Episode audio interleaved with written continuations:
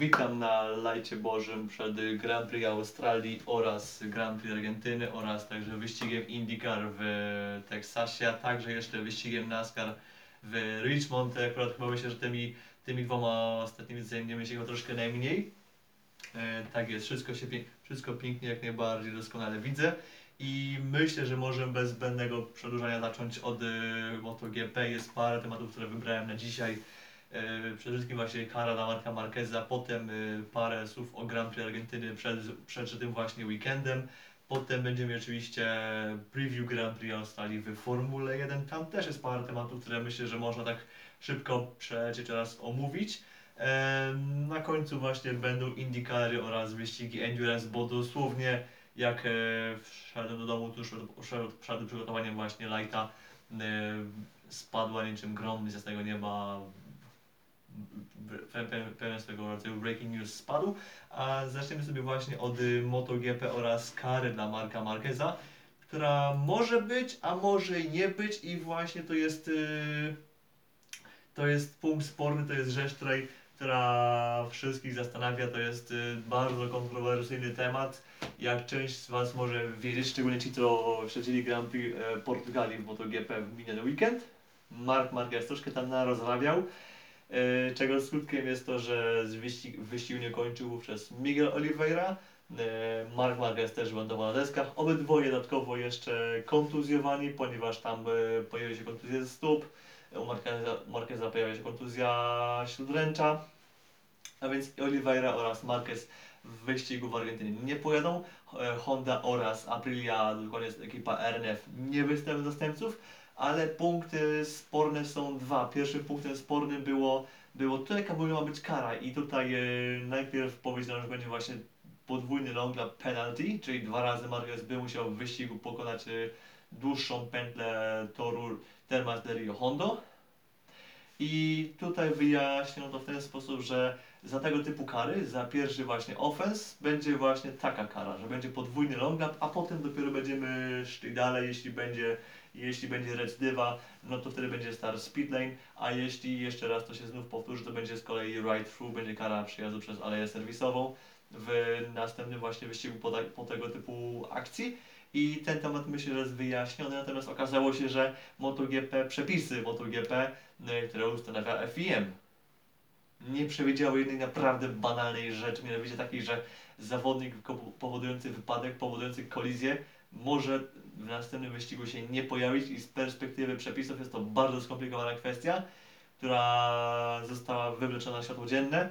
Okazuje się, że przepisy nie precyzują tego, czy zawodnik, czy kara przechodzi, czy kara jest do odbycia przy najbliższym wyścigu, w którym wystartuje dany zawodnik, przy założeniu, że zawodnik może nie pojawić się w najbliższym wyścigu, tylko może jakąś rundę ominąć, bo nie wiem, bo kontuzja, bo sprawy rodzinne, bo nie wiem, bo e, łączy starty z inną serią i załóżmy e, w następnym wyścigu się nie pojawi? Czy może jest to do odbycia tylko właśnie w najbliższej rundzie danej serii w ogóle? No bo jeżeli, i też to zależy w jakim, e, w którym, która z tych dwóch ścieżek jest prawdziwa. Która z tych dwóch ścieżek jest e, zgodna z prawem. E, No bo według tego właśnie potem y, ustanawia się, czy, czy Marquez musi odbyć karę w Argentynie, czy może może odbyć później. I okazuje się, że przepisy tego jednoznacznie nam nie punktują, jednoznacznie tego nie wyjaśniają, co jest w ogóle jakimś, jakimś kuriozum, to jest czymś, czego ja po, po prostu nie rozumiem, ponieważ MotoGP jest na tyle kontuzjogenną serią, jest na tyle taką e, no niebezpieczną serią jednak i też kategorią, w której jest duże prawdopodobieństwo tego, że jakiś zawodnik nie przejdzie pełnego sezonu, nie pojawi się w każdym z wyścigów Mistrzostw Świata.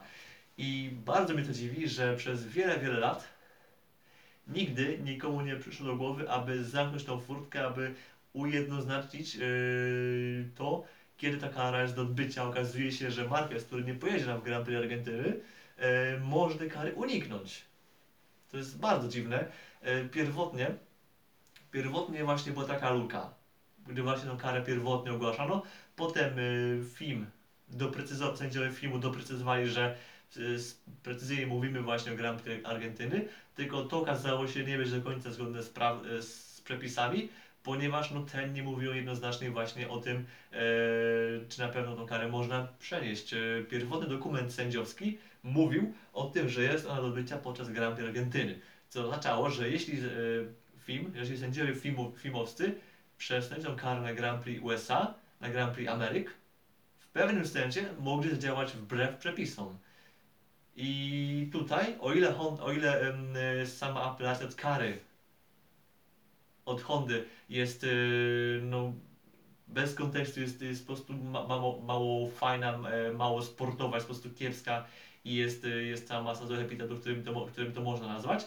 Tylko z perspektywy właśnie tego, jak działają przepisy, nie chodzi o moralność, tylko chodzi o, o zwykłe przepisy, Honda ma jak najbardziej rację, ponieważ w pewnym sensie Honda może czuć się oszukana, ponieważ yy, przepisy, ponieważ pierwotne, pierwotna decyzja sędzi- sędziów mówiła o Grand Prix Argentyny. Nagle tu się okazuje, że sędziowie to przesuwają na, yy, na kolejny wyścig, który co w teorii powinno tak być, że jeżeli nie pojedziesz w jednym wyścigu, w którym masz do odbycia karę za to, co odwaliłeś się rundę wcześniej, to ta kara powinna przechodzić na kolejną, na kolejną rundę, w której ty już wystartujesz.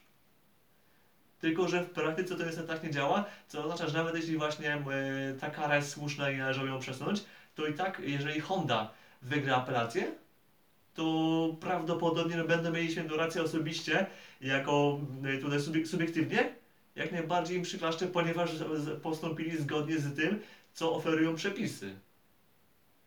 I jeżeli śmieszkujemy z y, F1, czy bardziej z FIA, że nie umie czytać własnych przepisów, albo że te przepisy robi w taki sposób, że są, jest pole do interpretacji, interpretacji, chociażby punkty za zeszłoroczny Grand Prix Japonii, chociażby inba z y, zeszłotygodniowym Grand Prix Arabii Saudyjskiej oraz y, podnośnikiem u Alonso oraz też y, gridem właśnie polami startowymi, y, chociażby jeszcze nie wiem, kara, kary dla Sergio Pereza za dystans za safety carem w Singapurze. E, Nie dość, że te kary przyznawano dość późno oraz dość późno orientowano się właśnie, e, co się w ogóle działo, co poeta miał na myśli, to jeszcze dodatkowo okazuje się, że przepisy nie są do końca szczelne, co jest w ogóle jakimś e, kuriozem, tego w ogóle nie rozumiem. Jaki będzie finał sprawy? E, Wiemy, znaczy czytałem w, naprawdę w środę bardzo późnym wieczorem, że w czwartek, mniej więcej gdzieś tam przed południem, e, chyba w Argentynie, Honda ma być przesłuchiwana właśnie, znaczy Honda. Reprezentanci i menedżerowie zespołu Hondy mają być właśnie przesłuchiwani, znaczy mają po prostu odbyć spotkania właśnie z sędziami filmu, filmu bo to właśnie do nich złożono właśnie apelację od e, tej kary. Chyba tam nie, nie, nie ingeruje w to wszystko e, Międzynarodowy Trybunał Sportowy, czy tam po prostu ten CAS, czyli e, nie teraz nie będę roz- rozkładał tego szyfru, tego skrótu na czynniki pierwsze w 5 sekund. W każdym razie z punktu widzenia przepisów, jeśli Honda Honda ma szansę, by tą operację wygrać, co będzie absolutnie po prostu jakimś e, śmiechem, żałością e, i potworną skazą na MotoGP, ponieważ jesteśmy po bardzo fajnym weekendzie. Weekend, który pokazał mi, wielu innym niedowiarkom, że sprinty choć, choć są oczywiście troszkę niebez, nie do końca bezpieczne i są bardzo kontaktowe, co z jednej strony jest fajne, a z drugiej nie do końca fajne. E, To wszystko zostało przykryte właśnie tym, że sędziowie znów e, nie wiedzą, e, nie potrafili zastosować przepisów lub też okazuje się, że przepisy są nieszczelne, a powinniśmy się tymczasem właśnie ekscytować kolejnym sprintem, który nas czeka w Argentynie, kolejną właśnie rundą na Termas de Rio Hondo, do której sobie za chwilę przejdziemy, a nie tym, kto kiedy powinien być karę. Przecież była cała masa kasusów, y, których nie wiem, czy Darren Minder kończący e, Denis Zawodzie dwa lata temu w Moto3 w pod koniec sezonu, gdzie też tam była, czy też tam była sprawa kontuzji i innych, innych rzeczy była garana. E, była cała masa kasusów, których e, zawodnik jakiś właśnie taranował rywali, czy tam kasował, czy po prostu zabierał ze sobą z toru. E, I gdzieś tam musiała być sytuacja, w której ktoś był już kontuzjowany po tym i nie mógł odbyć kary w następnej rundzie. Bardzo mnie to dziwi, że naprawdę tyle lat zajęło im po tych 75 latach. Ktoś zauważył, bo, wyszło, bo akurat wyszło z worka, że przepisy tej sytuacji nie, ten, nie precyzują. Mam nadzieję, że właśnie, że teraz y, to zostanie zamknięte i będzie w końcu czegoś jednoznacznie opisane, bo to nam bardzo mocno, że powiem, rujnuje no prestiż sportu. Przy tak banalnej kwestii. Yy, Myślę, że skoro już kończyliśmy temat yy, pastwienia się sędziami FIM-u, za chwilkę będziemy później sobie będziemy się, sędzi, się pastwili nad FIA, lub też nie pastwili. Tymczasem myślę, że możemy przejść do do Grand Prix Argentyny. To jest kolejny już e, druga właściwie runda po tej dwuletniej przerwie, wiadomo, spowodowanej wiadomo czym. E, Ja myślę, że naprawdę nas czeka bardzo ciekawa runda i nie tylko dlatego, że, e, że sam tor jest taki, a nie inny, że jest troszkę specyficzny, to właśnie tak szybko może sobie pozwolę właśnie o tym torze parę, parę słów powych, a nie będę może mówił za bardzo o cyferkach, liczbach, długościach itd. E, powiem tylko, że czeka nas około 30 okrążeń, 25 okrążeń w niedzielę. W sobotę będzie ich około, około 12, więc troszkę podobnie jak miało to miejsce w zeszłym w, w, w, zeszły, w, zeszły, w zeszły weekend. E, natomiast sekundo, sekundo, sekundo. E, Natomiast e, moje spostrzeżenia są takie, tor jak najbardziej jest bardzo fajny do ścigania, ale jednocześnie jest bardzo wymagający. Pierwszy zakręt, e, długi prawy nawrót, bardzo takie wywrotkogenne miejsce, w którym bardzo często się zdarzają wywrotki, w szczególności właśnie no w sumie na przestrzeni całego weekendu mamy, mamy sporą gwarancję, że tam się ktoś wywali. Nie ma na tym torze takich miejsc, gdzie są jakieś, gdzie, jest jakieś dłuższe, gdzie są jakieś miejsca, w których jedna strona opony jakoś szczególnie może przegrać, przegrać, a inna może się czegoś szczególnie schłodzić. To nie jest, nie wiem, Walencja, czy Katalonia, czy anomalie typu Sachsenring. E, tymczasem może szybko przejdziemy do, do, do, do pytania, do tego zaraz wrócimy. E, jeszcze odnosząc się właśnie do, do tematu kary, by właśnie już można temat kary za, zakończyć. E, film, fikołki, manipulacje, dokładnie. Mogę tak się pastwić nad filmem całą wieczność, Arku doskonale wiesz, bo to Ciebie jest komentarz.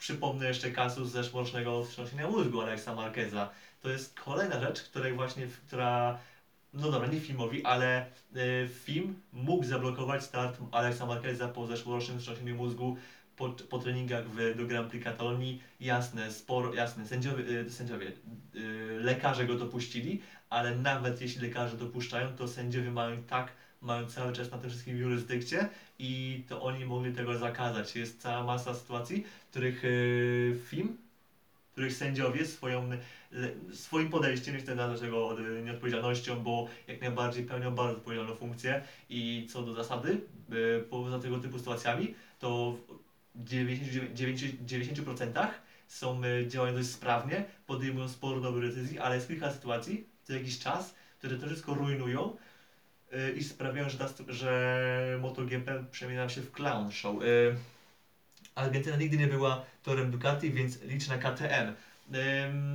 Tak, znaczy no wiadomo, była szansa na podwójne podium w roku 2016. Andrea Janone coś tam y, niestety podziałał. Rok temu była szansa, że Jorge Martin no do samego końca w sumie, no dobra, samego końca nie, ale no jeszcze w końcówce by trzymał prowadzenie przed Aleszem Espargaro. I mi się wydaje, że w tym, w tym roku jednak no, pęknie, pęknie właśnie ten, ten, ta passa Ducati bez wygranej w Argentynie. E, No Peko jest w zbyt mocnej formie. Oczywiście też liczę na KTM-a. E, Brad Binder, ja cały czas mówię, to jest e, mega niedzielny kierowca, e, zawodnik, znaczy się motocyklista. E, Cała masa występów zeszłorocznych po przebiciu się z P12, P15 i kończy na P8, P7, P6, P5. E, W zeszłym roku to bardzo ładnie udowodnił, że no kwalifikacyjnie Binder jest fatalny. Tak jest moje, tak jest moje zdanie, ale wyścigowo broni się naprawdę niesamowicie. Zresztą no Kaman yy, zrobił Millera w zeszły weekend jak dziecko tak naprawdę. No, Miller startujący z drugiego rzędu yy, i jeszcze przegrał z Binderem startującym właściwie już z końca stawki. I jasne, Miller musi się wjeździć i kolejne weekendy może pe- pewnie pokażą, pokaże nam, że faktycznie na RC16 sobie radzi, tak, e, radzi sobie prawie tak dobrze jak na Ducati, bo to w sumie są w pewnych punktach są to podobne maszyny. Oczywiście jest sporo różnic, ale też e, są e, pod kątem charakterystyki są pewne podobieństwa. Ale jednak na razie właśnie też KTM. Czy powiedziałbym, że może KTM wygrać? Y, Ja myślę, że na pewno nie wiem, no, no nie, no, no wątpię. Wątpię mogą być bliżej niż byli, niż byli w Portugalii. Tak jest e, moje przeczucie. Może Fabio przebudzi się z snów. e, Yamaha, Yamaha dostanie. Nie. Przebudzi się znów, albo, albo znów Yamaha dostanie w turban. No Yamaha dostaje w turban. E, Wydaje mi się, że Yamaha. Yikes. No, Fabio chyba naprawdę potężnie wtopił, podpisując w zeszłym roku kontrakt z Yamaha i to na dwa lata, ale pamiętajmy, że nie ma kontraktów, których nie da się rozwiązać. Krążą plotki, że Mark Marquez może po tym roku stracić cierpliwość do Hondy. E, Yamaha chyba nie ma na pewno stracić cierpliwość do Morbidelego. Jedyną szansą chyba na pozostanie na M1 to jest chyba pojawienie się ekipy prywatnej w postaci no chyba VR46, no bo yy, no przecież Gresini chyba nie puści Ducati, gdzie na Ducati Gresini sobie bardzo fajnie radzi i jeździli po tym no średnio bądź co bądź udanym mariażu z Aprilią. E, ale wracając właśnie do samego, do samego właśnie preview Grand Prix Argentyny, no to tak jak powiedziałem, Ducati w końcu chyba ten bastion puści, bo to jest jeden chyba jeden z naprawdę nielicznych torów, gdzie Ducati jeszcze nie wygrywało już, nie mówiąc, nie ważne czy fabryczne czy prywatne, bo Austin rok temu pękł właśnie pod, pod kłami NA Bastianiego, ale właśnie na prywatnym sprzęcie, na maszynie właśnie z ubiegłorocznej wówczas. Obecnie jest to maszyna już dwuletnia, już y, nie ścigająca się w MotoGP. E, tor bardzo taki płynny, jest, znaczy jest sporo szybkich zakrętów, y, kilka bardzo fajnych zmian kierunku. E, co mi się bardzo podoba, to to, że ścigamy się w takim y, klimacie, powiedziałbym, że nie do końca tropikalnym, ale to jest takie coś już bardziej, już jest ta wilgotność powietrza jest wyższa, plus też rodzaj nawierzchni asfaltu, który występuje na Termas de Rio Hondo, sprawia, że w połączeniu z tym klimatem przesychanie toru jest y, troszkę utrudnione i tu się Jack Miller właśnie może zacierać rączki, y, cały czas właśnie mówiąc o nawierzchni oraz o, o ty, ty, przy tym, że właśnie klimacie.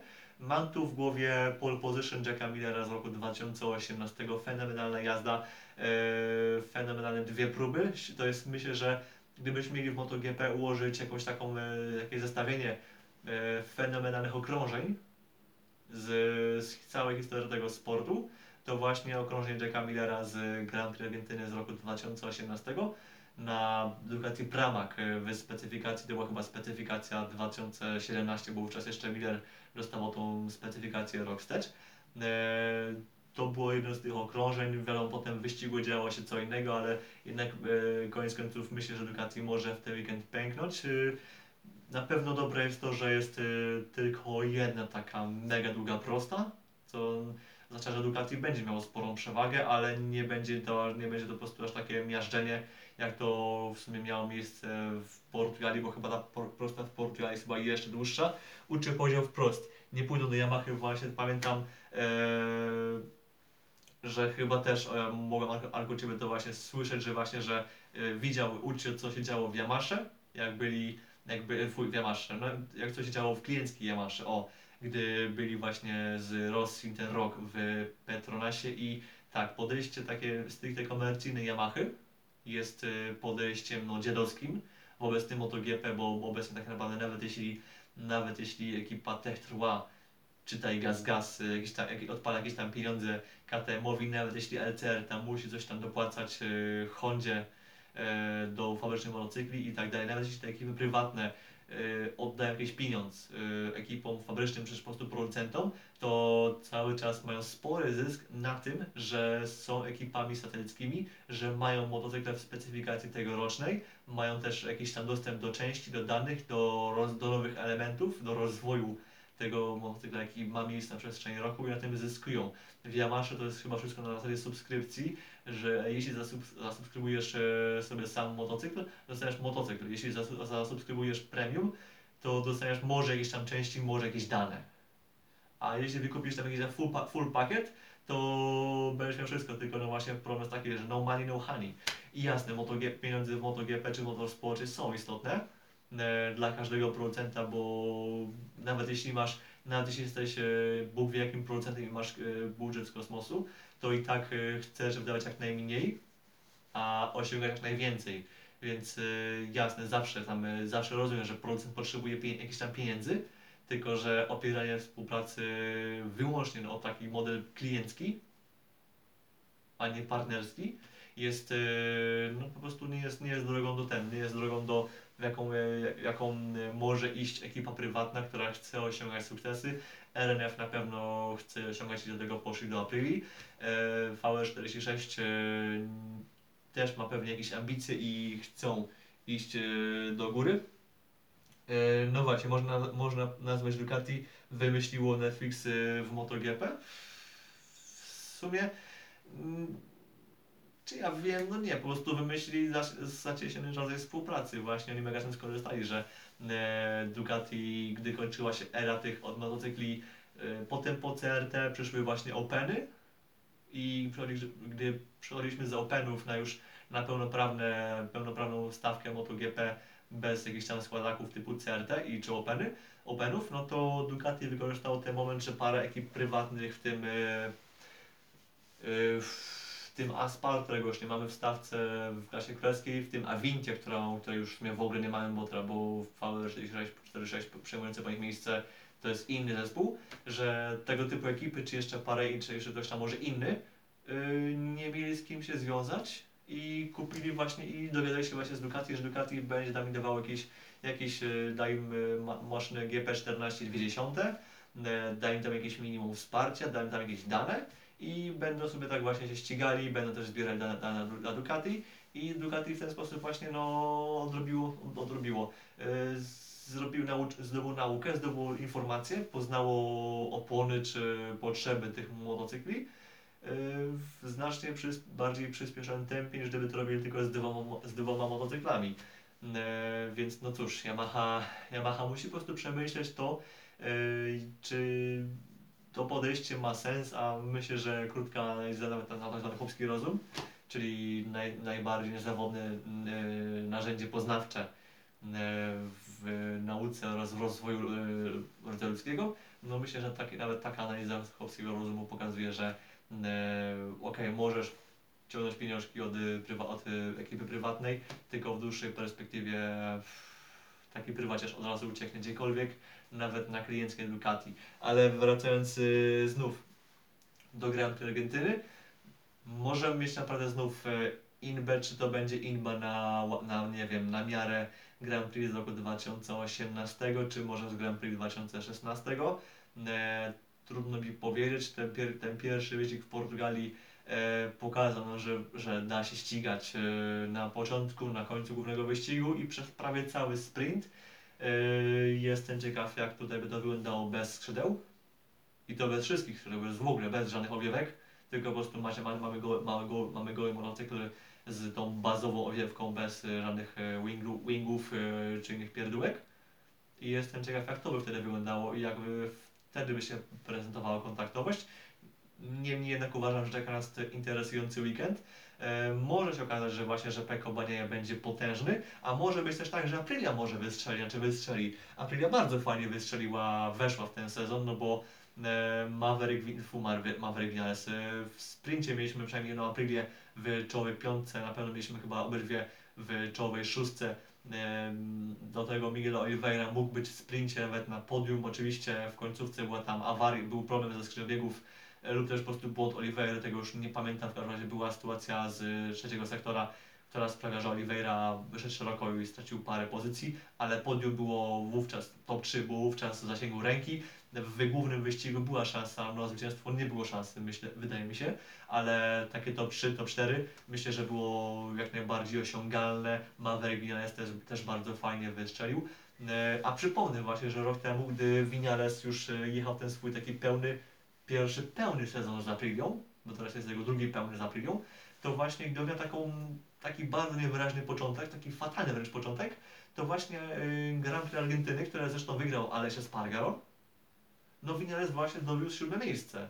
I spośród tych tam pierwszych sześciu, siedmiu wyścigów, od, właśnie od, od samego Kataru aż tam do Mugello, bo dopiero w Katalonii na Zachseringu wtedy Vinales y, dopiero tak naprawdę się obudził i wtedy pokazał formę, która przypomina to, co pokazuje teraz, czyli tą walkę w czołówce, to w tych pierwszych, właśnie w tej pierwszej, jednej trzeciej sezonu, to właśnie Argentyna była tym, była tym jego najmocniejszym występem, więc y, ja, uwa- ja mogę osobiście postawić na to, że Vinales może być y, mocnym graczem w trakcie tego weekendu. Jestem właśnie ciekaw, co zrobiłby KTM, bo Brad Binder może znów pokazać y, bardzo dobrą szarżę przez, przez stawkę, jeśli do tego też dobrze zadba o opony, a właśnie o tym o to się głównie opiera chyba jego, jego, jego awans w trakcie wyścigu, to jak najbardziej mogą, mogą sporo tutaj ugrać. I jeśli chodzi o Yamaha, no właśnie, no właśnie, Hogan może być czarnym koniem, ale jednak e, stawia na Millera,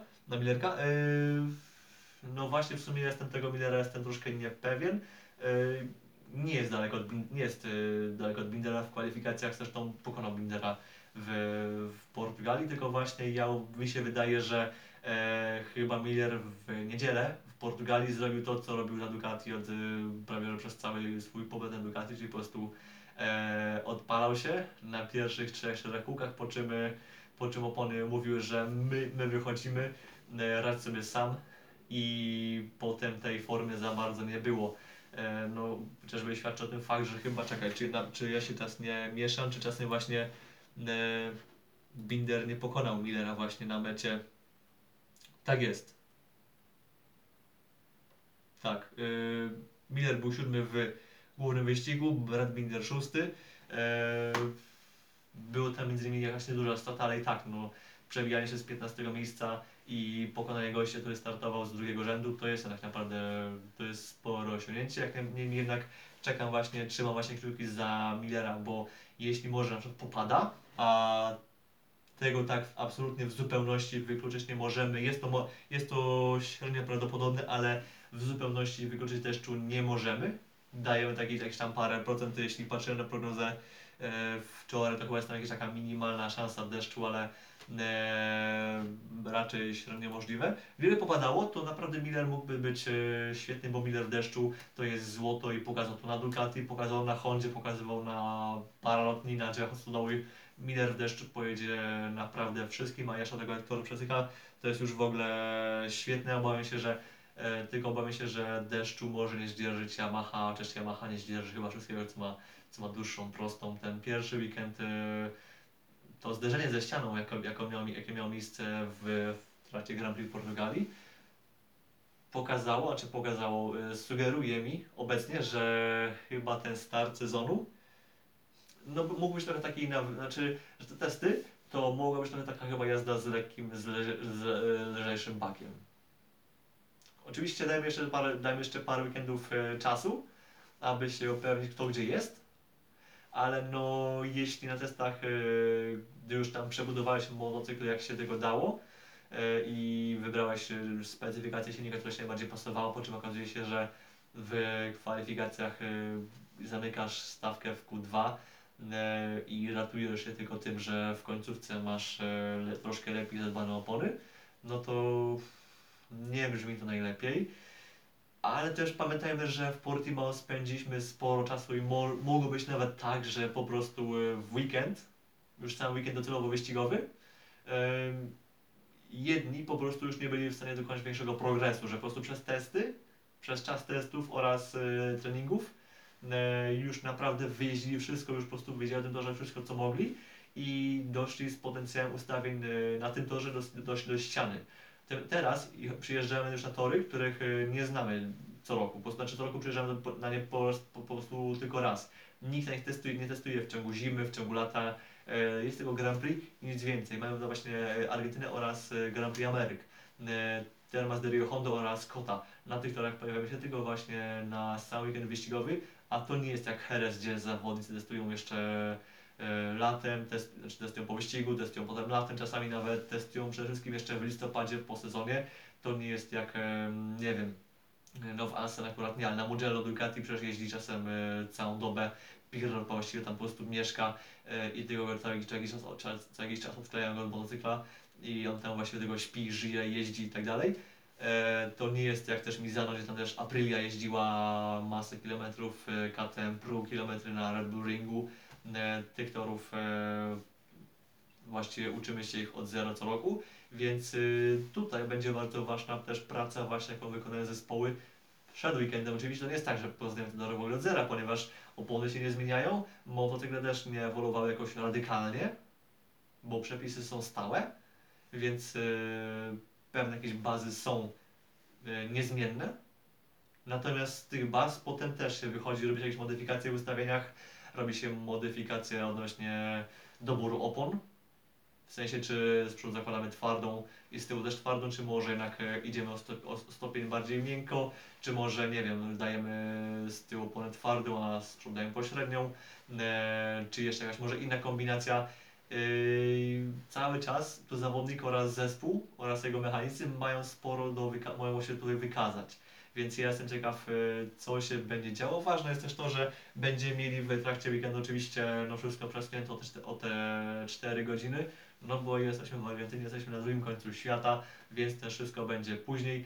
E, cały weekend tam się nam mniej więcej rozpoczyna około, około 15, więc jak najbardziej po południu, pod wieczór e, idealnie do rosołku, do kolacji, do meczyku można sobie obejrzeć właśnie MotoGP i myślę, że w temacie MotoGP czy to może będzie już e, wszystko. Ja myślę, że no, temat MotoGP oraz Grand Prix Argentyny raczej możemy zamknąć, tu raczej już nie ma zbyt wiele do dodania, a jeszcze chcę właśnie przejść e, do Australii, bo też będzie parę, parę rzeczy, które myślę, że warto, o których warto powiedzieć, ale najpierw właśnie sam, samo takie preview tego, czego możemy oczekiwać e, od samego weekendu, bo potem będzie parę takich właśnie newsów, takich podsumowanych komentarzy na szybko, no to przede wszystkim e, Grand Prix Australii ma spory plus taki, że naprawdę co by tam e, jakakolwiek nie jest sytuacja w Mistrzostwach Świata czy u jakiejś układ stawki, to atmosferycznie pod kątem atmosfery jest jeden z fajniejszych wyścigów.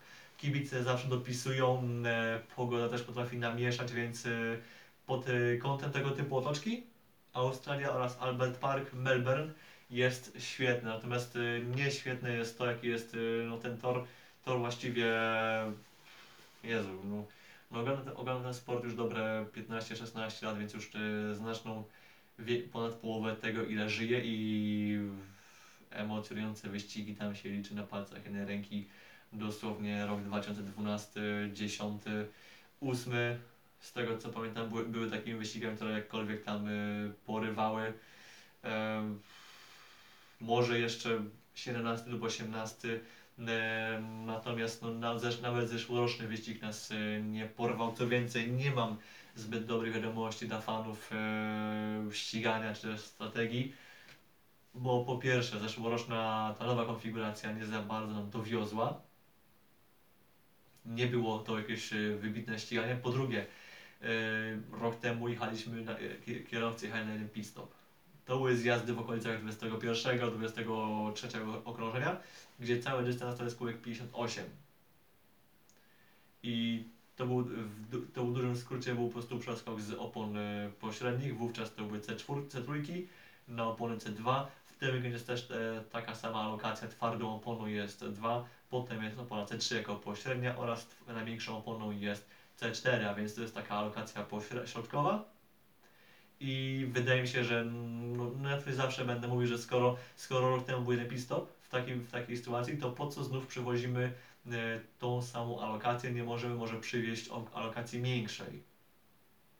I jasne, rozumiem, że Pirelli, Pirelli e, jest świadomy tego, że z roku na rok, mimo że przepisy zostały, że, że w tym roku w teorii obcięto samochodom nóżkę docisku, podniesiono dyfuzory, e, zmniejszono ich efektywność, to mimo to docisk i tak rośnie, samochody przyspieszają i rozumiem, że to ma też e, wpływ na to, jak opony się zachowują, ale też po to jednak są testy, po to też jednak są testy przed sezonem, e, żeby też może pewne rzeczy mm, gdzieś tam może wychwycić, może też, może też właśnie Pirelli się wiedziało, wiedział właśnie jak, e, jaka ma się, jak się ma właśnie sytuacja. Oczywiście też dla Australii też trudno właśnie potem zmodyfikować dobór, ponieważ no, testy miały miejsce na przełomie lutego oraz marca. Na, mamy teraz końcówkę marca w miesiąc trudno jest zmienić alokację opon nawet na tą stopień większą, bo już opony są wysyłane tak naprawdę już tam e, jeszcze zanim w ogóle pierwsze auta wyjdą na shakedowny i opieramy się w większości informacji z testów z Abu Zabi. E, Więc okej, w Aust- macie w Australii jest e, trudno to przewidzieć, ale skoro już mamy, skoro już Pirelli ma informacje o tym, jak wyglądają opony, jak, jakie, jaki jest poziom docisku generowany przez samochody, to może by udało się na przykład na jakieś, no nie, wiem, może na Silverstone przywieźć alokację o stopień większą. Tam zwykle jest C1, C2, C3. Może udałoby się zrobić C2, C3, C4. E, W każdym razie no, uważam, że Pirelli powinno iść agresyw- agresywnie pod tym kątem. E, A jak nie Pirelli, to może pójdzie, e, to może tu się pojawi inny producent, do tego też my pójdziemy, dojdziemy za chwilę. W każdym razie mówiąc jeszcze o, o samym wyścigu, no to nie spodziewałbym się jak fajerwerek, to nie jest jakiś najwybitniejszy tor. Plusem jest tego to, że jest e, świetna atmosfera wśród kibiców, plus e, samo wyzwanie, sama, sam poziom trudności, sama techniczność toru to jest e, świetne wyzwanie dla zawodników i bardzo fajnie się to ogląda.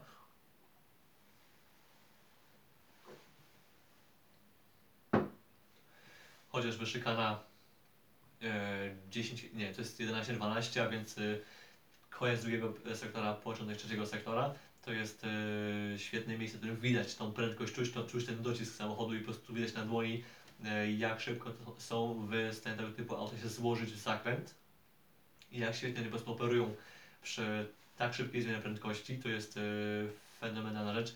Pierwsze dwa zakręty też, e, powiedziałbym, bardzo dość szybka sekcja jak na, jak na ten tor.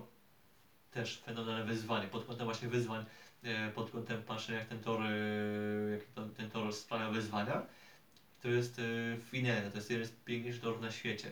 Tylko właśnie ściganie, no tu nie działa. Może by wypadało pomyśleć nad jakąś jeszcze dalszą modyfikacją, albo może żeby promotor wyścigu związany z miastem Melbourne pomyślał nad jakąś inną wersją, nad może jakąś inną, inną konfiguracją, może inną lokalizacją. Tylko od razu tutaj powiem, żeby e, Melbourne nie tykało się, broń Boże, pod żadnym pozorem toru Phillip Island. Bo tego toru po pierwsze nie da się przebudować tak, by ta F1 się zmieściła. Po drugie, MotoGP naprawdę tam sobie świetnie radzi, nie potrzebujemy tego, by tam, by tam się wybijała F1 i coś tam y, nam orała. Po trzecie, nawet tam nie ma w ogóle infrastruktury, żeby, żeby gdzieś tam kibiców pomieścić. To miejsce jest e, e, swego rodzaju odludziem i tak to ma po prostu zostać, bo MotoGP to pasuje, World Superbike to pasuje, e, Supercarsom to pasuje, pasuje to nawet w Formule 5000, a więc takiej mm, e, topowej serii australijskiej, jeśli chodzi o single stery. Tym seriom to pasuje, więc F1 niech tam się po prostu nie pcha, ale może niech pomyśli nad tym, by właśnie gdzieś ten tor przenieść, aby ścigać gdzieś indziej. Eee, nie wiem. Szkoda, że do Ade- Adelaide nie możemy wrócić, ale no taka jest polityka, taki jest, taka jest y, sytuacja w, w, tej części, w tej części Australii. Jeśli chodzi o Grand Prix Australii, to możemy spodziewać się lekkich opadów deszczu w ciągu treningów w piątek. W sobotę i niedzielę już będzie raczej sucho, e, co nam niestety nie zwiastuje najlepszego właśnie show. E, Obawiam się właśnie, że to może być po prostu jeden z tych e, jeszcze trudniejszych wyścigów. E, O ile w, w, o ile w Arabii Saudyjskiej ten safety nam lekko popsuł show, bo może była jakaś szansa na jakieś podcięcie, jakąś walkę między mechanikami, na walkę na torze w okolicy właśnie tych, tych tutaj naturalnego okna zjazdów, a więc tego tam 20 okrążenia, 25, to tam mogłaby, mogły się jakieś pojedynki wyklaryfikować. E, tak w Australii to będzie bardzo trudne. Jedyną szansą na to, żeby coś się zadziało, to jest znów sytuacja, w której Alex Albon startuje na oponach twardych, jedzie pier- pierwsze 57 okrążeń e, na oponie właśnie twardej i potem zakłada miękką oponę, czy tam e, co tamkolwiek e, mu się zawidzi na samo finałowe kółko i dowodzi w ten sposób jakieś e, punkty albo jeszcze lepsze punkty. Odnośnie właśnie stawki, układu stawki, no to nie ma złudzeń, no jednak Max Verstappen e, czy Sergio Perez po prostu będą e, tłukli rywali jak chcą i na to raczej nie ma e, nie ma nadziei. Jedyną nadzieją jest to, że Fernando Alonso coś po prostu wyciągnie z kapelusza lub też, że Red Bulle nie dojadą, e, co nie jest niemożliwe, bo mieliśmy już rzeczywiście problem Maxa Verstappena w kwalifikacjach. Dodatkowo też Christian Horner przed weekendem mówił, że jest szansa, że właśnie samochody Red Bulla mogą znów zmagać się z niezawodnością. Jak dobrze wiemy, tą konstrukcję no, Adriana Newey'a, chociaż Newey już nie jest takim jednoznacznym e, głównym konstruktorem Red Bulla, ponieważ jest już bardziej takim konsultantem zespołu. No, mają tendencję tego, jego samochody, że e, no, różnie bywa z ich wytrzymałością. Oczywiście samochody F1 są właśnie stworzone do tego, żeby e, pojechać wyścig i się rozpaść, bo to jest auto drogowe, tylko auto wyścigowe, prototypy, które mają po prostu próć, e, ile fabryka dała właśnie na tym dystansie, jaki jest zaplanowany, a potem się mają rozpaść i do widzenia. E, Ale tak czy inaczej właśnie, tak czy siak e, konstrukcje Newey'a właśnie mają z tą niezawodnością dość różnie. Dodatkowo też skrzynia biegów w czasach Hondy w Red Bullu to też jest z, czasami zmora, szczególnie z tematem synchronizacji. I to nie jest tylko e, kwestia tego roku, bo w zeszłym roku, czy właściwie z roku 2019, odkąd Red Bull jest z Hondą, zawsze był tam jakiś, e, bywały jakieś problemy właśnie z synchronizacją skrzyni biegów. I to nie jest e, nowy problem, to jest no, problem, który mają od dawna, e, tylko on się wiadomo zmienia w zależności od tego, jak tam się ewoluuje konstrukcja jakby między sezonami. Więc e, jakaś szansa na, na, na DNF jest, a jeśli byłoby by się udało zdNF-ować obydwa auta, to Fernando Alonso e, stanąłby na swoim 101 podium i podtrzymałby tę serię, e, którą e, stworzyli Prost, e, Schumacher, e, kto tam jeszcze może Senna. E, w każdym razie jest taka seria, taka, takie, taka ciągłość e, kierowców F1, że każdy kierowca, który zdobył 101 podium w, w swojej karierze, zdobywał je wygrywając wyścig. I Fernando Alonso może być, może być kolejnym kierowcą, który tę serię przedłuży, lub też pierwszym kierowcą, który tę serię złamie, bo 101 podium u niego jest kwestią czasu w tym aucie.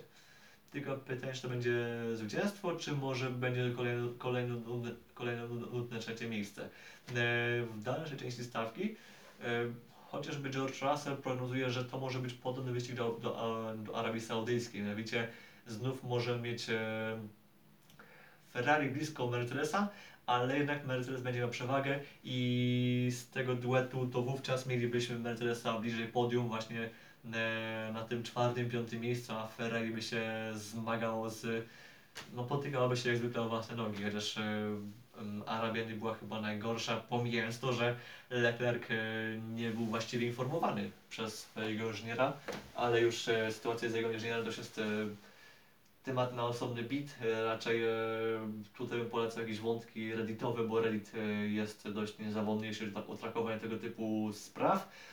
Takim No Island z kolei może być Alpin. Alpin właśnie tak mi się wydawało po testach, to był takie moje, takie moja subiektywny wniosek, że Alpin może być taką właśnie taką piątą siłą i ani nie walczy o czwarte miejsce, ani szóstego nie, ten, nie podgryza. I właśnie Alpin w ten weekend może pokaże, że jest takim No Island.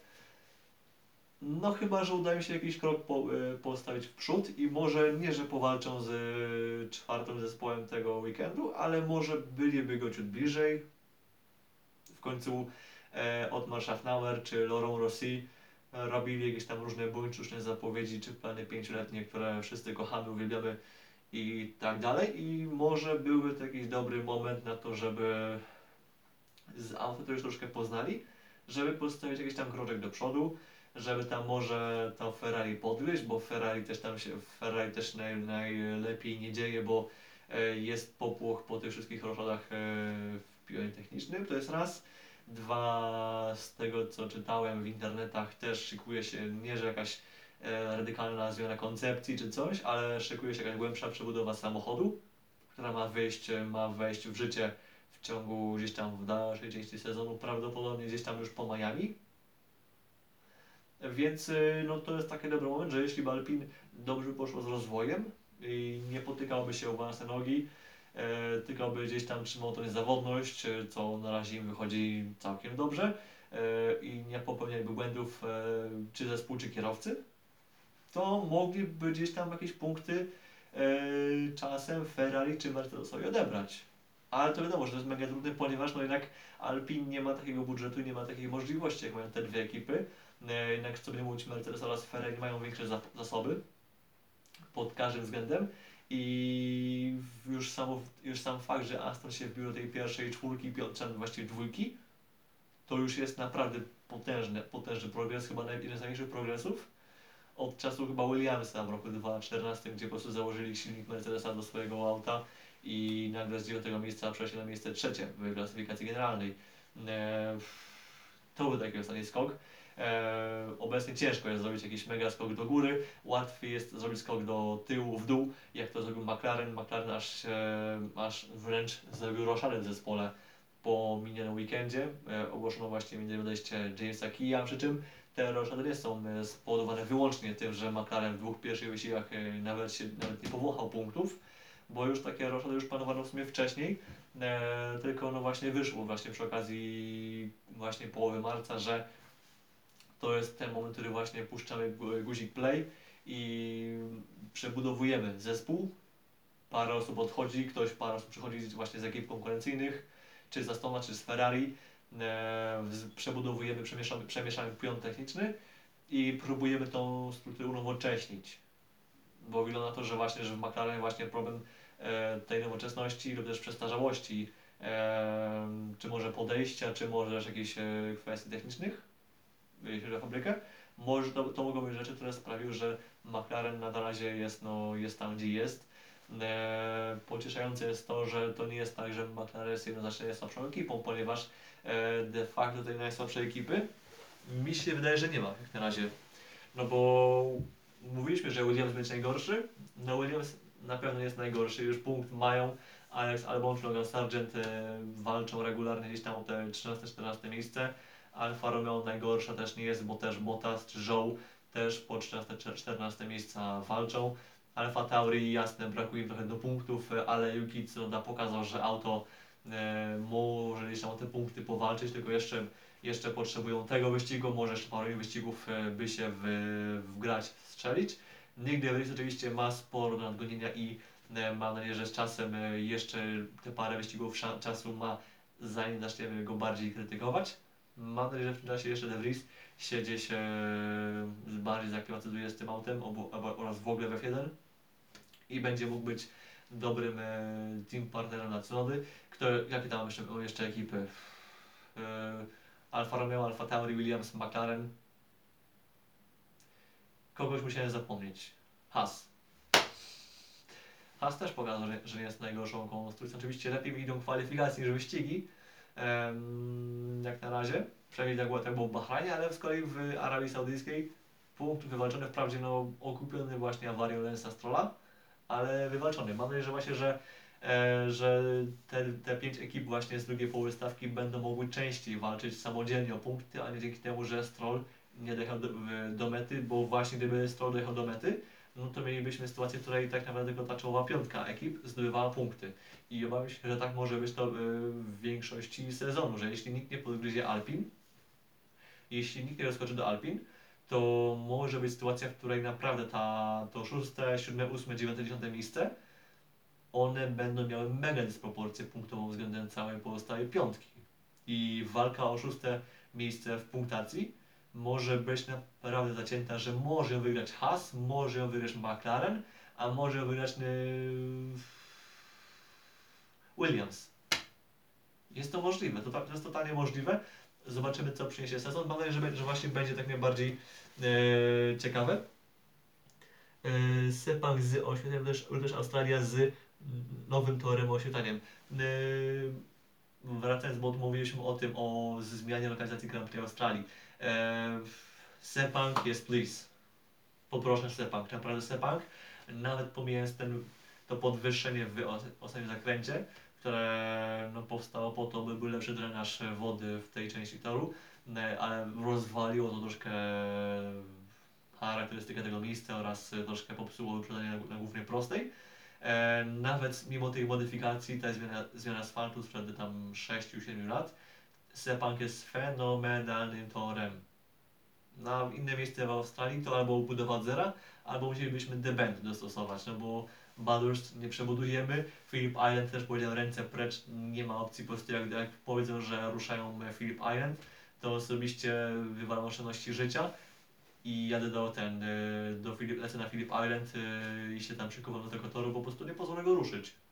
Nie ma po prostu opcji, żeby, żeby F1 nam się po prostu ścigało oraz pchała swoje brudne łapska, bo tak naprawdę tory, które są, mają ten grade 2, grade 3 w FIA i aspirują do, do wejścia w F1, do przyjęcia F1, no one na tym często bardzo mocno tracą, bo muszą wywalić e, mega pieniądze na infrastrukturę, na jakiś update infrastruktury. Potem musi oczywiście być promotor, który, który wyłoży hajs na to, żeby ta F1 się w ogóle pojawiła, a i tak jeszcze tor musi dołożyć, e, żeby ten wyścig sam e, już potem na miejscu utrzymać, żeby go potem organizować, żeby, żeby wszystko działało jak należy, bo potem wszystko drożeje, bo prąd musi, prądu potrzeba więcej, bo zaopatrzenia potrzeba więcej, bo potrzeba więcej ludzi, ludzi od e, bezpieczeństwa e, i taki tor, jeśli potem e, gości tylko raz F1, to musiałby taką F1 gościć x razy w ciągu sezonu, 20 razy najlepiej, żeby zarobić tyle, żeby przez resztę roku mógł się jako tako utrzymać. No bo tory tak naprawdę nie, nie mają, nie są, nie ten, nie na bardzo niewielu torach jest ściganie w tydzień, tydzień w tydzień. Na bardzo niewiele, bo to zwykle tory się utrzymują z tych iluś tam wyścigów, tych 15 wyścigów w ciągu roku serii regionalnych, mistrzostw świata, mistrzostw Europy czy tam czegokolwiek. No ale jeszcze są testy i z testów też się utrzymują, jeszcze są track day'e, e, jeszcze nie wiem, ewentualnie SPA czy tam Monza czy coś tam, jeszcze inne tory goszczą jakiś Tour de France, Tour de tam Giro d'Italia. E, one się utrzymują właśnie ze wszystkiego z czego się da i taki wydatek w postaci F1 nie zawsze jest potem zysk. Ale to jest e, temat na inną, na inną rozprawkę. Skończmy już może temat właśnie samego Grand- Grand Prix Australii. Mówię, no spodziewamy się, że po prostu wstaniemy rano o tej siódmej, włączymy do, daną odpowiednią platformę, jaką, do jakiej mamy dostęp i możemy po prostu już spać i jeżeli nic się nie wydarzy w kwalifikacjach, to raczej Max Verstappen będzie znów e, zwycięzcą wyścigu. Wygra w końcu w Australii, co więcej Red Bull wygra po raz pierwszy w erze turbohybrydowej, bo wygrywali w erze hybrydowej, tej keresowej, tej V8-kowej z Vettelem w roku 2011, ale od tamtej pory było to podium, nie podium Ricardo, potem były tam pojedyncze, było podium Verstappena raz, potem jeszcze raz było podium Pereza w zeszłym roku i teraz może być wreszcie dublet e, Red Bulla w Australii. No ten tor historycznie nie leży, ale też pamiętajmy też o tym, że ten tor jest często na początku sezonu i na początku roku zwykle Red Bull sobie średnio radzi z, niezawodnością oraz z ustawieniami. Red Bull miał zawsze taką historię, że e, jak e, w tych takich sezonach, w których gonili Mercedesa, to zwykle się rozkręcali wraz z sezonem, a te pierwsze wyścigi bywały takie dla nich trudniejsze i dopiero potem bywało, bywało lepiej. E, temat myślę, że możemy e, temat możemy zamknąć. Siódma rano włączymy, zobaczymy Ver per Alloy, dziękuję. No właściwie mogłem temat, e, temat preview Australii mogę właściwie zamknąć w tych słowach, a nie, a nie jakiś tam 20-minutowy elaborat.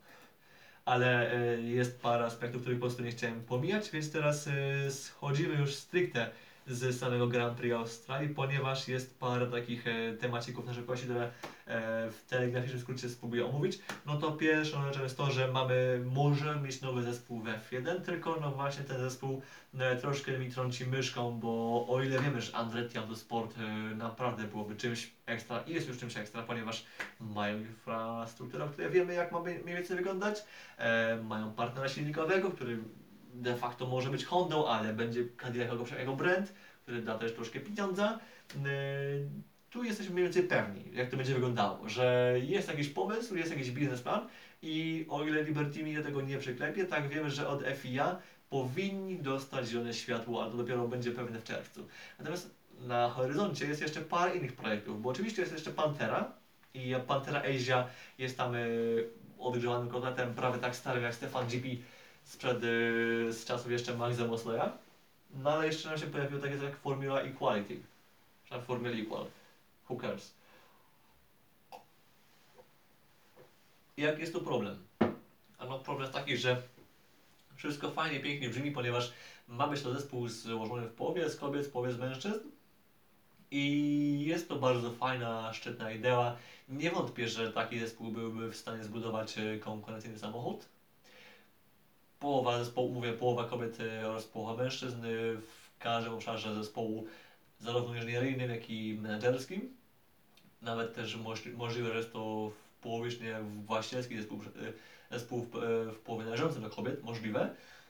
Tylko to jest właściwie jedyne, co, o co nie wiemy. Nie wiemy, kto miałby ich, kto miałby im dać silniki, jak to miałaby wyglądać kwestia bazy, chociaż tutaj mówi się że o tym, że miałoby to być zlokalizowane gdzieś tam w jakimś kraju na Zatoką Perską, e, czy tutaj w Arabii Saudyjskiej. No i właśnie problem jest taki trzeci, że pieniądze, jakie mają, miałyby zasilać ten zespół, no właśnie są z Arabii Saudyjskiej, co no jest po- sportwashingiem. No to jest sportwashing raz. E, dwa, że jest to już bezpośredni sportwashing, ponieważ no de facto zespół ma być e, arabski.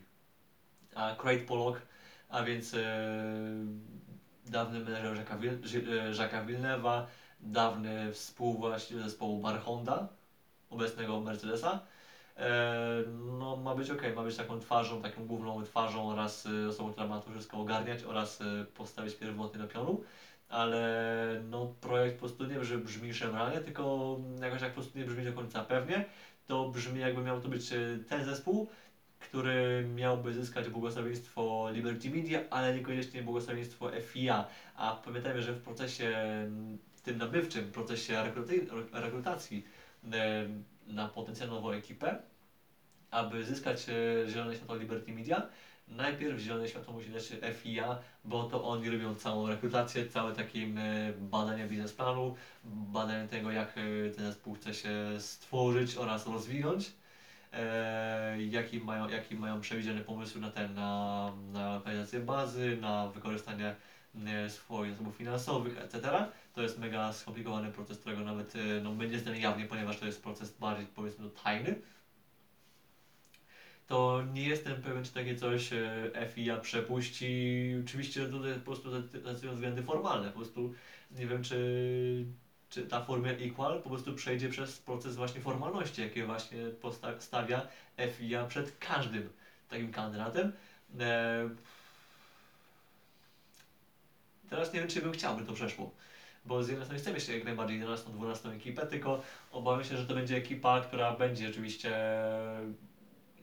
jako taką sobie radziła, tylko że to będzie chyba raczej backmarker, który po prostu będzie właśnie czymś, co e, ma być, bo jest arabski, ale Liberty Media na czele z Stefano Domenicali powiedzą, że to jest, że to jest świetny zespół, który wnosi, wartość do, do F1, że wnosi jak najbardziej na dużo wartości i w ogóle jaką, jaką wartość ma niby wnieść.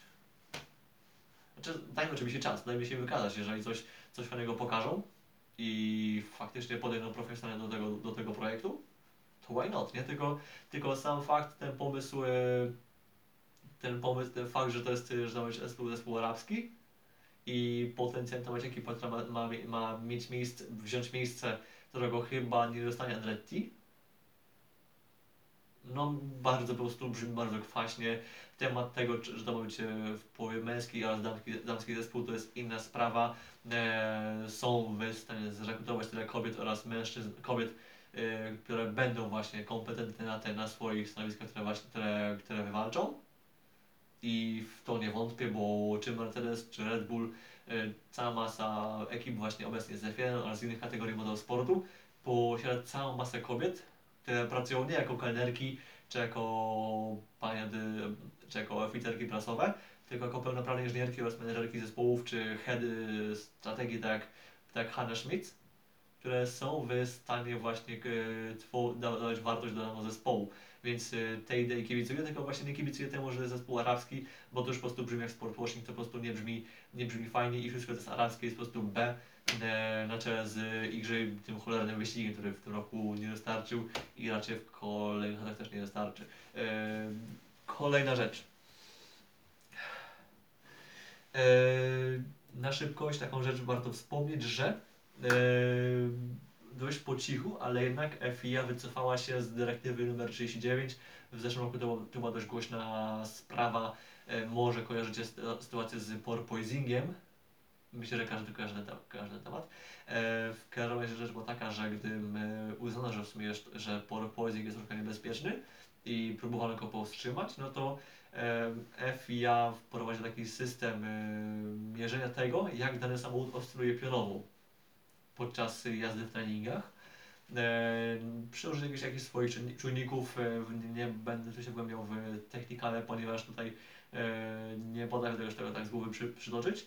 I rzecz była taka, że właśnie jeśli zespół, jakiś samochód przekraczał jakieś, jakąś, jakąś ilość, jakieś wartości, które, które założyła federacja przed weekendem, to zespołowi nakazywano auto podnieść, podnieść podłogę, podnieść zawieszenie, po to, by ten porpoising zmniejszyć. Oczywiście to wpływało na, na docisk samochodu oraz na, na to, jaki opór generował. Czyli po prostu na osiągi, ale był taki, że porpoising wówczas takim aucie malał. E, I w zeszłym roku to odwlekano tam to wprowadzenie tego, tego, tego systemu. W końcu go wprowadzono, nikt, nie, nikt finalnie chyba nie, nie, nie musiał auta podnosić. I wszyscy się mniej więcej mieścili w tych danych, jakie, znaczy wartościach, jakie, jakie założyła FIA. Ale okazuje się, że w tym roku e, ten system jak najbardziej jest pożegnano i tego już, e, już tego typu mierzenia, już, e, znaczy tego typu ingerencji w setup auta już nie będzie. FIA dalej będzie dokonywała pomiarów oscylacji aut w pionie podczas jazdy w treningach, kwalifikacjach wyścigu, ale już e, nie będzie mogła wymusić tego, by zespół musiał podnieść auto, by ten, by zwiększyć właśnie bezpieczeństwo. Dość taka, myślę, że to jest taka niezbyt... Ja myślę, że to jest tak, że ma wpływ na to, jak działają zespoły, ale to nie jest coś, co nam wywróci stawkę do góry nogami. E, Kolejna rzecz, mm, bo tu mogło jeszcze być jakieś pytanie. Eee, Moto 2 Rider e, Augusto e, Augusto Augusto Ayagura e, declared to be reviewed after the practice after the practice one, a więc Ayagura możliwe, że wróci właśnie na Grand Prix Argentyny w Moto 2. Byłoby bardzo fajnie, bo naprawdę bardzo mi, bardzo mi brakowało tego właśnie, żeby że Ayagura nie mieliśmy w, w Portugalii, tak wracając do MotoGP, do Moto 2. E, szkoda, że właśnie no, nie wiem, zaorał sobie sezon, ale bardzo mocno utrudnił sobie właśnie walkę o Mistrzostwo Świata. To jest ten sezon, w którym Ayagura musi, znaczy no musi, no jak najbardziej powalczy o Mistrzostwo Świata i byłoby świetnie. Wracając jeszcze do kolejnych pytań, Stefano powiedział, że F1 ma, może zrobić nawet y, 30 lub 32 race y, kiedy chce. Bo każdy chce. Każdy kto? Każdy kogo zapytał? Bo chyba zapytał może siebie przed lustrem. Ehm, bo nie wydaje mi się, żeby, żeby mechanikom się chciało 30 wyścigów, żeby zespołu się chciało 30 wyścigów, żeby kierowcom chciało się 30 wyścigów, żeby kibicom chciało się 30 wyścigów, bo to też już męczy. E, To nie jest NASCAR, żeby faktycznie można było obejrzeć, pominąć parę rund i tak być gdzieś tam w, w temacie. E, W F1 to naprawdę jest mega wyzwanie i no wówczas potrzeba rotacji kierowców, rotacji mechaników, rotacji inżynierów, bo obecnie już teraz przy 23 rundach no F1 jest już po prostu na wyczerpaniu. Jest, y, zespoły oraz kierowcy już są przemęczeni i jest trudno właśnie, jest trudno operować e, w tak, w tak energochłonnym sporcie, jakim jest F1. Oczywiście endurance, co dobrze Arku wiesz, też są mega chłonne, nie? Tylko pamiętajmy też, że e, mamy trochę mniej rund w EWC czy w WEC-u i oczywiście też są obydwie serie są mega wykańczające. Praca na nich jest mega wykańczająca, w szczególności no, gdzie masz w gdzie masz do przekiblowania w, w boksach e, całą dobę. Ale jednak też podróże po całym świecie, gdzie rodzinę widzisz może parę tygodni łącznie w ciągu roku, no to też nie jest, e, no to, to jest mega smutne, to jest mega ciężkie, dlatego też sporo latania po USA, po Azji, trzy osobne tripy do USA, znaczy trzy osobne wyścigi w USA, no kilka tripów do, za ocean, to też nie ułatwia sprawy, jeszcze, miałeś, jeszcze było parę pytań. E, ogólnie trzeba Stefano e, słowa traktować jako pół, pół, pół kłamstwo, pół prawda. Ja bym potraktował może jako wyłącznie jako kłamstwo. Na jego obronę tylko dodam, że słowa z niedzieli, które wyszły odnośnie treningów, e, zostały wyrwane trochę z kontekstu. Ja widziałem tego tweeta, e, któryś tam mocny fan, taki popularny fanpage formułowy wypuścił takiego tweeta, że, e, w którym dali wypowiedź Dominikaliego, że e, treningi są fajne, ale dla inżynierów i może bym je wyjebał. No to okazuje się, że tam kontekst i chodziło po prostu o to, że chciałby może punktować te treningi, ewentualnie nie, może, może nie ich wywalać. E, Więc tam troszkę tego kontekstu nie dopisano. E, Dobrze właśnie zrobiłem wówczas, że poczekałem te parę dni, aż wyjdzie pełna wypowiedź, bo właśnie ten kontekst miał znaczenie jednak w, w tym, co powiedział. Ale tak, niestety no, słowa Dominikaliego, no, no niestety jedno mówi, potem drugie robi, a jeszcze potem okazuje się, że rzeczywistość jest jeszcze inna i te oczka nam są troszkę mydlone i trzeba to naprawdę wydawać sobie kubeł zimnej wody, żeby nie zwariować patrząc na to, co tam się dzieje w Liberty Media, co Liberty Media czasem wymyśla, ale wróćmy jeszcze do tematu do tematów bieżących. Mamy jeszcze taką, taką rzecz, że FIA otworzyła przetarg na dostawcę opon e, dla F1, F2 oraz F3 na lata 2025 oraz 2027. E, Z opcją też do, do wydłużenia tego kontraktu do roku 2028. I tutaj na razie pojawia się taka, taka gwiazdka przy Pirelli, że Pirelli powinno zostać, ale no trzeba mieć te parę procent w głowie, że może, że może być inaczej, czy byśmy niego chcieli, czy może nie. Nie wiem, w każdym razie e, mówi się, że może być zainteresowany tym Michelin. Michelin, który od lat e, robi podchody pod Formułę, 1, bo to by być tym wyłącznym dostawcą opon e, i takie podchody robi od blisko 8 lat. Przy czym najpierw był problem taki, że Nawet gdy Pirelli skończyło, skończyło kontrakt w roku 2015, to jeszcze w roku 2016 mieliby sponsoring paru wyścigów, a więc e, nawet gdybyśmy mieli opony Michelin w roku 2016, to i tak wyścigi byłyby sponsorowane przez Pirelli i dlatego też wówczas Pirelli miał wręcz monopol na opony, nawet gdyby nie wygrało przetargu oraz na reklamy na torach, więc to mocno odpychało innych producentów. Teraz sytuacja jest inna, ponieważ ten sponsoring wyścigów jest tam, e, ma ten termin jest tam krótszy i może mieć, jest szansa, że może Michelin wejdzie w roku 2025, może być też Hankook. To jest też e, ciekawa opcja Han- Hankook. E, znamy go głównie z DTM-ów, bo do DTM dostarczył właśnie opony. Gdy mieliśmy jeszcze Class One, w Super GT, nie wiem czy, czy to jest, czy to też jest Hankook, czy może jest to Yokohama. W każdym razie Hankook jeszcze jest w Formule E, gdzie właśnie wypchnęli Michelina i Hankook oraz Michelin Pirelli to jest ta trójka, która może jak najbardziej nam się gdzieś tutaj we filmie pojawić. Od razu mówię nie, Goodyear nie i Dębica też nie, też nie pojawią, przecież bardzo bym chciał. Chciałem mieć Dębicę i jeszcze żeby, żeby dostawcą hamulców był jeszcze Breck i żeby w każdym wyścigu jeszcze pojawił się Krzysztof Hołowczyc mówiący polski kocki Breck. A potem wysiadający z auta, ponieważ okazuje się, że znów mówił zabrać prawo jazdy.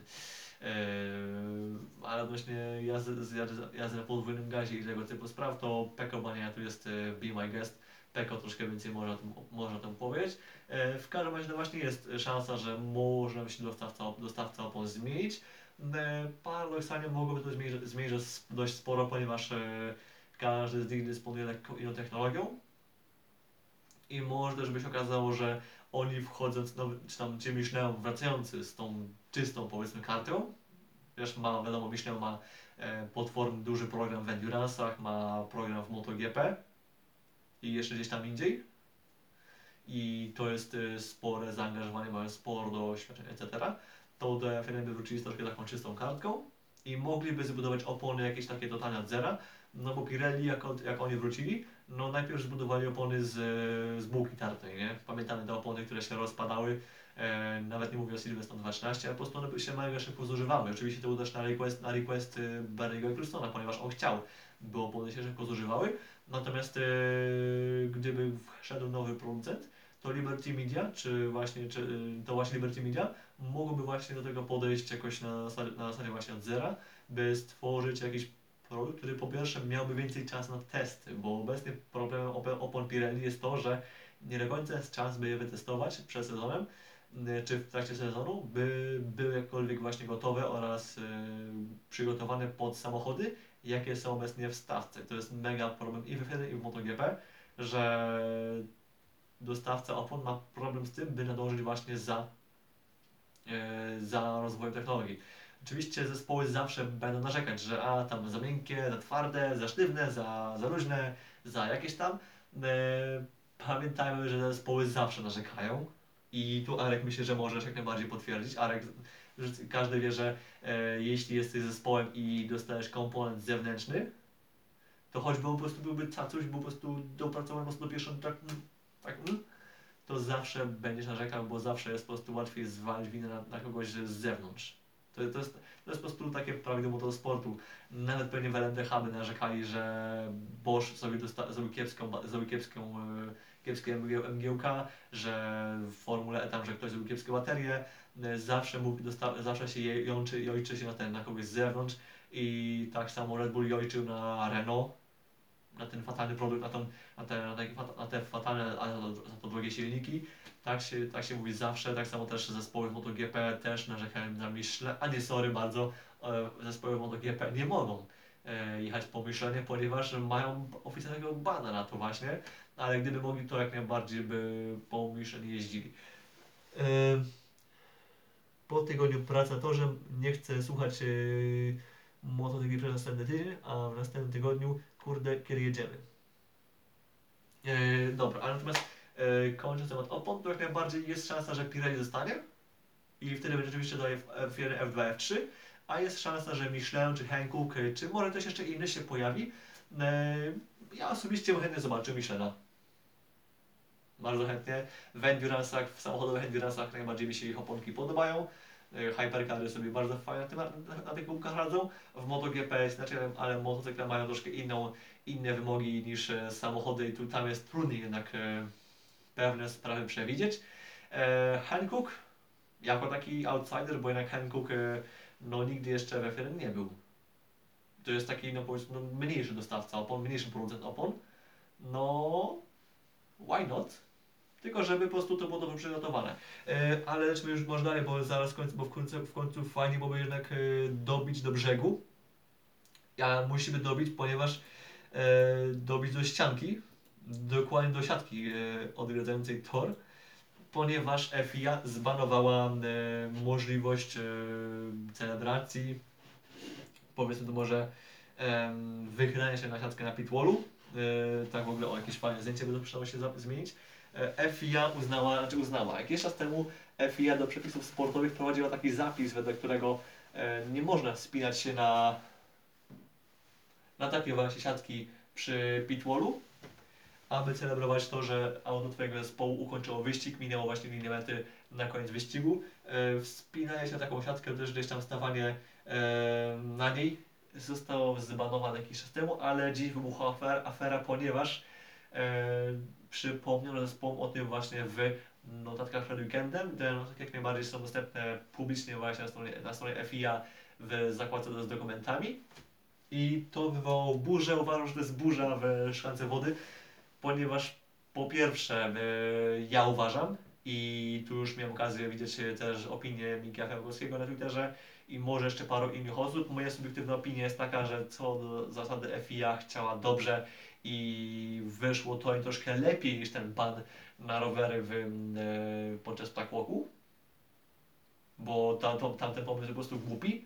Tak, e, temat e, banowania właśnie w wskakiwania na, siatkę ma trochę więcej sensu, ponieważ spadnięcie z, z takiej siatki pod, prosto, prosto pod auto prujące 300 na godzinę czy, czy nawet 100 nie należy do najprzyjemniejszych. E, a cały czas wierzę w to, że jest e, w tym pomyśle jest taka luka, bo em, przepisy, ten zapis mówi o pit lane fence, a więc siatce pit lane. A pit lane nie składa się tylko z siatki, bo jeszcze mamy taki właśnie murek, o tu nie jest pit, tu, nie ma pit lane, bo pit lane jest tutaj, ale mamy jakiś taki murek, taką ściankę. I to nie jest pit lane, to nie jest fence. To jest po prostu wall a więc ściana. Fence jest od, te, od miejsca, od tego miejsca w górę. To. Tu jest fence. Tu jest wall. I mi się wydaje, że to jest burza w szklance wody, ponieważ przepisy nie mówią nic o pit wall, tylko pit, o pit fence, więc e, jak najbardziej za murkiem będzie można chyba wystawać. Po prostu będzie można tak, tak pół- na pół wisieć e, i machać do swojego kierowcy.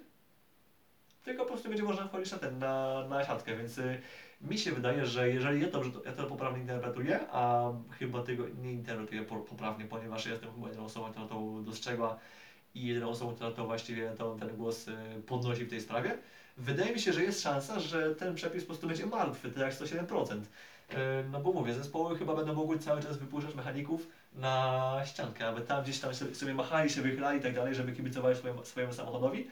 Yy, a siatka to będzie siatka i siatki nie będziemy tykać. I that's it, więc uważam, że to jest yy, burza w szklance wody. Niemniej jednak w świetle tych paru regulacji, które FIA wprowadziła ostatnio, e, czy właśnie tego bana na jazdę rowerami oraz hulajnogami podczas pitwalku, e, w związku też z karą, a właściwie nie karą, a właściwie karą dla Alonso, jaką, jaką odbył, ale i nie odbył, ale i odbył w, w Arabii Saudyjskiej, no to, to FIA ma fatalną trasę.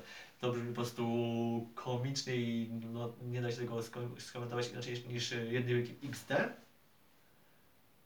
Ale wydaje mi się, że akurat ten przepis ma minimum sens. Oczywiście y, nie zobaczymy już celebracji takiej jak robi, jak robi Elio Castroneves w IndyCarach, ale zawsze to jest y, coś. Y, a jak pod względem bezpieczeństwa rozumiem. Bezpieczeństwa ochronimy y, z pod względem emocji zespołów. Y, tu- ja tutaj popieram, aby to zostało jednak na zawsze był, symbol, był symbolem tej fajnej integracji. Tak, pod kątem takim historycznym, takiego spirit, taki race spirit, to jest taka nieodłączna część i to powinno zostać. No z drugiej strony trzeba jednak jakieś, jakieś standardy muszą obowiązywać. Ja myślę, że jeśli, uda, jeśli udałoby się utrzymać y, to, że, że mechanicy mogą wychylać się za murek, albo po prostu opierać się o murek i tego machać łapami za murkiem, to jeszcze jest to w duchu sportu, nie? Bo siatka dla mnie też troszkę, jest- troszkę jest jednak już y, poza granicą. W MotoGP też tam się nieraz mechanicy, e, szczególnie taki Mugello, tam się mega wysoko wspinają i to jest, jest, jest bardzo mocno wiszą. I to nie w kombinezonach, tylko w samych koszulkach. E, mechanicy wiszą na, nad torem i to jest mega niebezpieczne i dla kierowców, dla zawodników, i dla nich, i dla samych mechaników. E, jeśli w F1 udałoby się właśnie utrzymać e, samo wiszenie za ściankę, to jeszcze jest to, jestem to w stanie zrozumieć oraz tą, tą siatkę jeszcze mogę wybaczyć. Jak to będzie wyglądało w praktyce, okaże się to w niedzielę. Jestem niemal pewien, że, jeśli, że będzie w związku z tym jakiś investigation w niedzielę. Albo w Australii, albo już e, w Azerbejdżanie. Na pewno będzie z tego typu investigation w tym sezonie. Gdyby była szklana kula, Karola 296, to ab- absolutnie bym wziął w tym udział, bym dopisał tą właśnie rzecz, ale niestety szklana kula już została zamknięta, więc już, e, cóż, tego już e, nie ruszymy. Na Le nie spinają się, bo tam, bo nie ma siatki, więc nie ma problemu, hehe. E, Na Le Mans chyba, a czasem na Le Mans nie jest szyba? Cholera, muszę, muszę, muszę sobie przypomnieć. E, albo jest niższa siatka. W każdym razie to, to zbadam, jak będę znowu w czerwcu, jeśli mi się uda być w Le Mans, to to zbadam. E, sam właśnie się zastanawiałem, aż sam e, chciałem odkopać zdjęcia swoje z e, ale już e, nie zdążyłem. Niemniej jednak, no właśnie, każdy ma troszkę to, inaczej rozwiązane, ponieważ w takiej Australii e, tu jest szyba na przykład. Nie ma takiej zwykłej siatki jak tutaj, tylko tu jest szyba. Na Imoli jest to samo, nie masz takich normalnych e, siatek, jest szyba. Więc y, po tym tak się trudno wspiąć. No po szybie się raczej nie, nie, musi być takie przystawki, jak masz, y, jak mają ci, co myją okna na, na Business, Business Center albo w Pałacu Kultury. Musiałbyś mieć takie przystawki, żeby na, po tym się wspiąć. No bo normalnie po tym nie, nie masz tam tych handlów, żeby się wspiąć własnoręcznie. Ale to jest już temat zamknięty. Kończy, dobiegamy już do, właśnie do końca. Oby. E, na szybkości temat teraz taki. E, dwa paski Roberta Kubicy wypuścili troszkę taką lekką wrzawę, bo wydawało się, że Robert Kubica jest w ciąży, otóż okazuje się, że nie. E, trafiło go choróbsko, które trafiło wielu z nas w ciągu ostatnich trzech lat. E, nie będę mówił jakie, ponieważ nie chcę mieć uwalonych zasięgów jeszcze bardziej.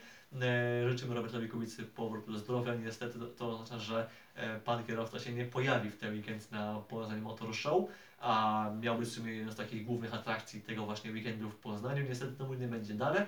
Miejmy nadzieję, że wyzdrowieje by w połowie kwietnia pojawić się w WEC-u na Six Hours of Portimao i skoro mówimy właśnie o WEC-u oraz Portimao oraz o Endurance'ach, to już taki temat, y, no w sumie już na zamknięcie. Stricte po parę słów właśnie o IndyCarach, o WEC-u, Endurance'ach. Y, Po pierwsze wyszła wczoraj lista y, na Six Hours of Spa i mam potwierdzenie, że będą będzie drugi Cadillac oraz będzie Porsche prywatne ekipy Jota, Jota z numerem 38, a więc będą nam, będziemy mieli 13 hypercarów w stawce, oczywiście odejmiemy od tego Glickenhausa, Bajkolesa i dwa Pechoty, no to będzie 9 aut stawce, takich, takich normalnych hypercarów będzie. E, oczywiście po drodze, po drodze jeszcze jest Portimao. E, kolejna ważna rzecz, e, Inter Europol Competition podał składy do LMS-u, do LMP2 i tu będą Jonathan Aberdeen, Rui Andrade oraz e, Oli Caldwell, więc e, skład związa- z, zbity takich, z głównie takich młodszych kierowców. E, Aberdeen oczywiście nie jest, nie jest najmłodszy, ale ja go traktuję jako, jako takiego relatywnie jeszcze młodego zawodnika. Młody może być, troszkę może byciący skład. E, przy czym no, na Le Mans, bo to auto też pojedzie w Le Mans, no będzie już totalnie inna załoga, szkoda, ale cóż taki skład e, sobie złożyli. Mam nadzieję, że w tym roku w LMS-ie pójdzie im lepiej właśnie w LMP2. W LMP3 kto wie, wydaje mi się, że w LMP3 po tym jak obcięli e, ilość aut z dwóch do jednego w tej klasie, no może być tam lekki spadek, ale mam nadzieję, że się zdziwię i to pozytywnie. E, Kolejna rzecz były też testy właśnie hypercarów oraz LMP2 e, czy GTE na SPA nie testował Interoperable Competition. Testy nam, nam bardzo mało mówią, ponieważ nie, no, no, znamy czasy, ale nie znamy długości stintów, nie znamy czasu stintów, nie znamy dokładnych składów e, tego, kto kiedy jeździł, więc e, tymi czasami się no, nie możemy za bardzo sugerować. E, Kolejna rzecz jest taka, że Porsche po- ogłosiło składy trzeciego auta Penske na Le Mans. Będziemy mieli właśnie w roku trzy auta fabryczne Porsche w Le Mans jako jedyny taki zespół, jako jedyny producent. Jeszcze oczywiście będzie czwarte auto jako Jota, która będzie na, pełny, na prawie pełny sezon. I w trzecim aucie Porsche pojadą nam Nick Tandy, e, Mathieu Jaminet oraz Felipe Nasr, więc e, kierowcy, którzy, którzy jeżdżą oczywiście w IMSie. Felipe Nasr, mam nadzieję, tu mówię też tutaj u Piotra Szczepanika, czy w naszym, naszym, w naszym podcaście Tydzień w Motorsporcie, że mam nadzieję, że Felipe Nasr to będzie taka przymiarka do startu w WEC-u na pełny etat za rok, bo zdziwiłem się, gdy zobaczyłem Nazra e, w składzie w IMSie wyłącznie, a nie jako pełnoetatowca w, w WEC-u. Uważam, że Nazr ma potencjał i tutaj e, Piotr powiedział, że w sumie widziałby go za Dana Camerona. E, Też uważam, że, że Cameron mógłby jednak wrócić do IMSy i tam by się lepiej spisał.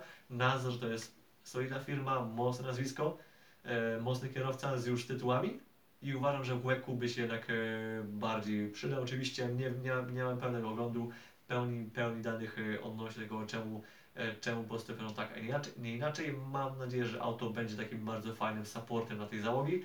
E, Ostatni raz, gdy, Porsche wystawiało trzy auta w WEC-u oraz w Le Mans, no to to trzecie auto wygrało i to był właśnie Nick Tandy, Earl Bamber e, oraz Nico Hülkenberg.